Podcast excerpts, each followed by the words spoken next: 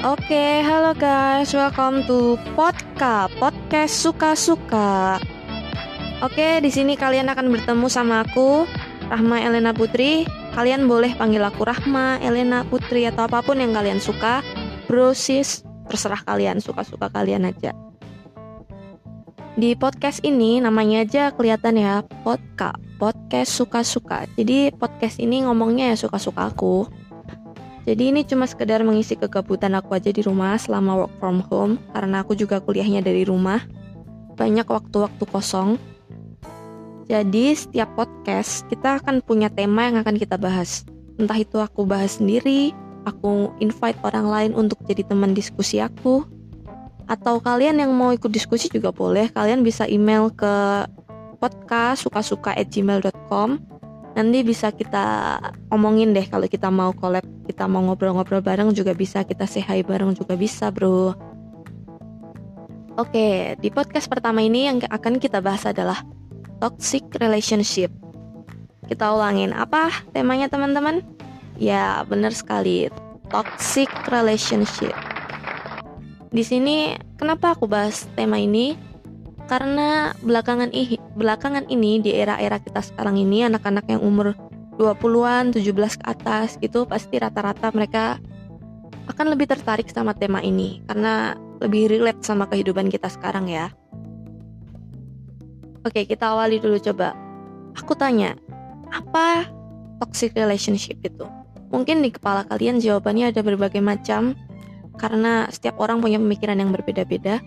Tapi kalau buat aku ya, toxic relationship itu adalah sebuah hubungan, entah itu kalian nyebutnya pacaran, gebetan, PDKT, crush, atau apalah itu terserah kalian nyebutnya. Tapi dalam hubungan itu kalian saling merugikan, saling menyakiti, nggak punya tujuan. Ya, pokoknya sesuatu yang tidak ada manfaatnya buat kalian gitu, merugikan diri kalian dan orang lain tentunya. Jadi uh, beberapa waktu yang lalu aku udah share tema ini ke teman-teman aku, teman-teman deket aku. Aku minta pendapat mereka dan beberapa mereka mengajukan pertanyaan untuk kita bahas di sini. Kita mulai dari yang pertama. Apa sih toksik itu? Toksik itu ya itu tadi, saling merugikan, saling tidak memberikan sesuatu yang baik. Pokoknya merugikan lah intinya. Terus apa toksik itu bisa sembuh? Ya kalau buat aku sih toksik itu bukan perkara sembuh atau nggak sembuh ya. Tapi toksik itu adalah antara penawar dan toksik itu harus saling melengkapi. Jadi kalau ada pasangan kamu toksik kamu harus bisa jadi penawarnya kalau kalian masih mau bareng-bareng. Karena nggak mungkin kan toksik itu kan racun. Nggak mungkin racun itu bisa sembuh tanpa ada penawarnya. Kalau buat aku sih gitu secara logika aja ada toksik berarti harus ada penawar gitu ya. Kalau kalian pendapat lain boleh kalian utarakan di komen juga boleh. Terus kalau seandainya yang kalian punya pikiran kenapa sih hubungan aku tuh bisa jadi toxic relationship? Apa sih penyebabnya? Kalian bertanya-tanya gitu di kepala sampai nggak doyan makan nggak doyan minum badan kalian jadi kurus. Eh yang nggak deng. Jangan-jangan itu berlebihan lebay banget lah ya. Jadi yang kalian uh, kenapa bisa toxic? Yang toxic itu orangnya sifatnya atau memang hubungan yang udah gak sehat kalau menurut aku ini deh. Sebuah hubungan itu kan terdiri dari dua orang ya. Relationship itu ada dua orang, laki-laki dan perempuan yang saling memiliki perasaan satu sama lain atau berada dalam satu ikatan. Entah itu pacaran atau apa pun. Toksik itu bisa muncul karena entah pemikiran yang salah, tingkah laku yang salah, atau sifat yang salah. Semisal si cowok nih suka marah-marah gak jelas, gak ada penyebabnya dia suka marah-marahin kamu. Dia suka bohongin kamu. Dia suka jalan sama orang lain, terutama perempuan tanpa ngabarin kamu. Nah, itu toxic sih menurut aku. Jadi, toxic itu ya orangnya ya sifatnya. Karena sifat itu pasti kan ada di orang itu. Jadi toxic itu yang muncul dari dalam diri, nggak mungkin dari orang lain. Yang toxic itu pasti diri, diri dirinya sendiri gitu.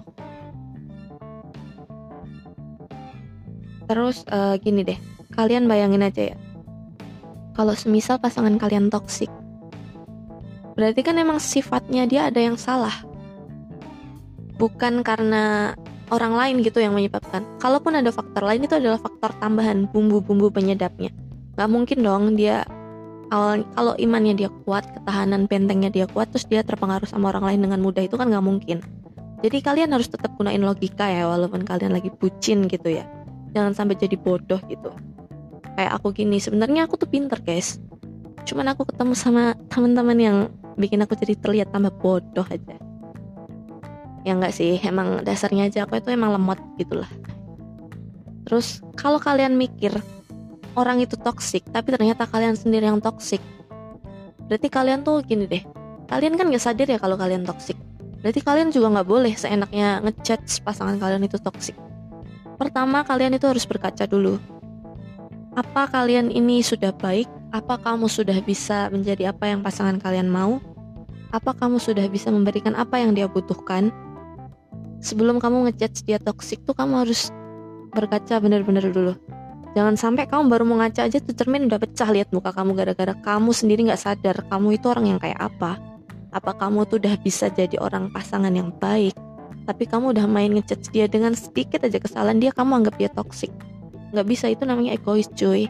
Ayolah buka mata lah. Sekarang ini kita egois siapa yang mau sama kita? Orang-orang semuanya pengen punya prioritas yang sama diberi hak yang sama untuk setiap hubungannya tuh mereka punya hak.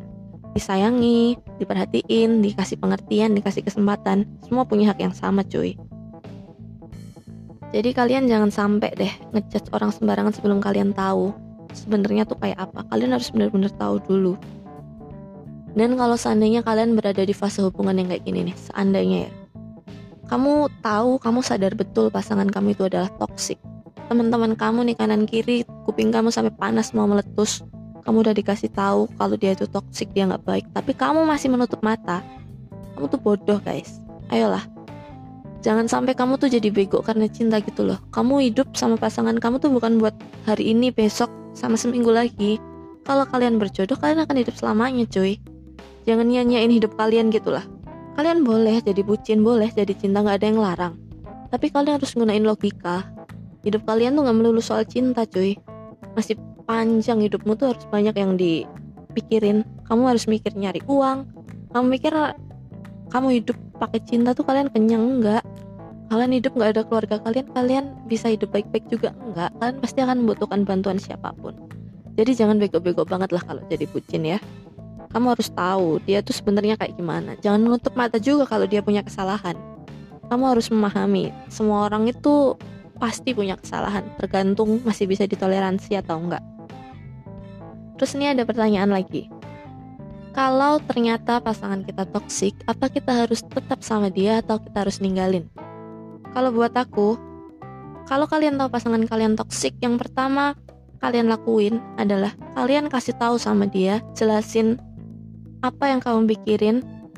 Kamu bilang dia toksik itu artinya kayak gimana? Semamanya dia suka marah-marahin kamu nggak jelas, dia suka bohong, kamu jelasin dengan cara baik-baik dan di waktu yang tepat ya.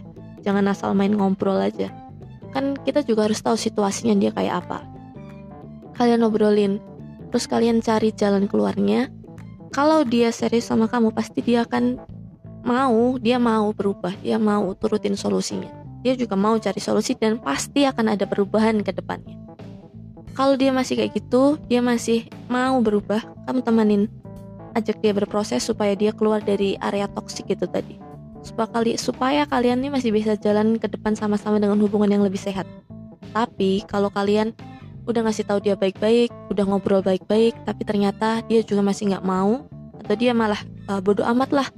Dia ngomong gini, kalau kamu masih mau sama aku ya udah ayo, kalau nggak ya udah sana pergi aku nggak butuh diceramahin. Kalau dia masih berpikiran kayak gitu, tinggalin aja. Berarti dia tuh nggak ada effort sama sekali untuk membahagiakan kamu. Dia hanya mempedulikan dirinya sendiri. Itu udah menuju jalan-jalan hubungan yang gak sehat. Ke depannya kalau kalian terusin juga pasti akan jadi lebih rumit. Ada aja masalahnya. Kamu salah naruh sepeda di kosannya dia aja pasti jadi masalah. Salah pakai sendal salah pakai minyak wangi aja pasti juga jadi masalah cuy. Jadi kalian juga harus pinter-pinter melihat yang ada di sekitar kalian melihat pasangan kalian. Jangan buta mata jangan buta telinga jangan buta hati apa gunanya diciptain mata kalau kalian cuma mendengarkan apa gunanya hati kalau kalian cuma melihat dari mata, mendengarkan dari telinga yang belum tentu benar kalau kalian tahu di hati kalian itu yang terpaling benar gitu. Jadi segala sesuatunya itu intinya harus balance, mata, telinga, hati, pikiran, semua itu harus kalian balance lah pokoknya, jangan sampai nggak imbang karena itu akan menjerumuskan kalian sendiri kalau kalian ngambil keputusan salah. Dan ada pertanyaan lagi nih terakhir, paling lucu sih menurutku kalau kalian ada di suatu hubungan yang toksik, kalian berniat untuk menyudahi hubungan itu, tapi pasangan kalian tuh nggak mau di diselesain sampai di situ gitu hubungannya. Kalian harus ngapain? Kalau menurut aku ya, ini menurutku ya, jadi kalian berpendapat lain juga boleh. Kamu harus bertindak lebih tegas sih. Kalau dia masih ngotot, kamu juga harus lebih ngotot. Kalau dia ngancam kamu, ancam balik. Kamu punya orang lain, jangan sampai kamu tunduk sama ancamannya dia. Kamu tuh harus tegas. Apalagi kalau perempuan jangan mau ditindas sama laki-laki. Kamu juga harus bisa. Ketergantungan di hubungan yang toksik itu bukan cuma akan merusak uh, dalam bidang percintaan kamu doang ke depannya. Tapi itu pasti akan merambat ke karir kamu ke akademik kamu buat yang masih sekolah.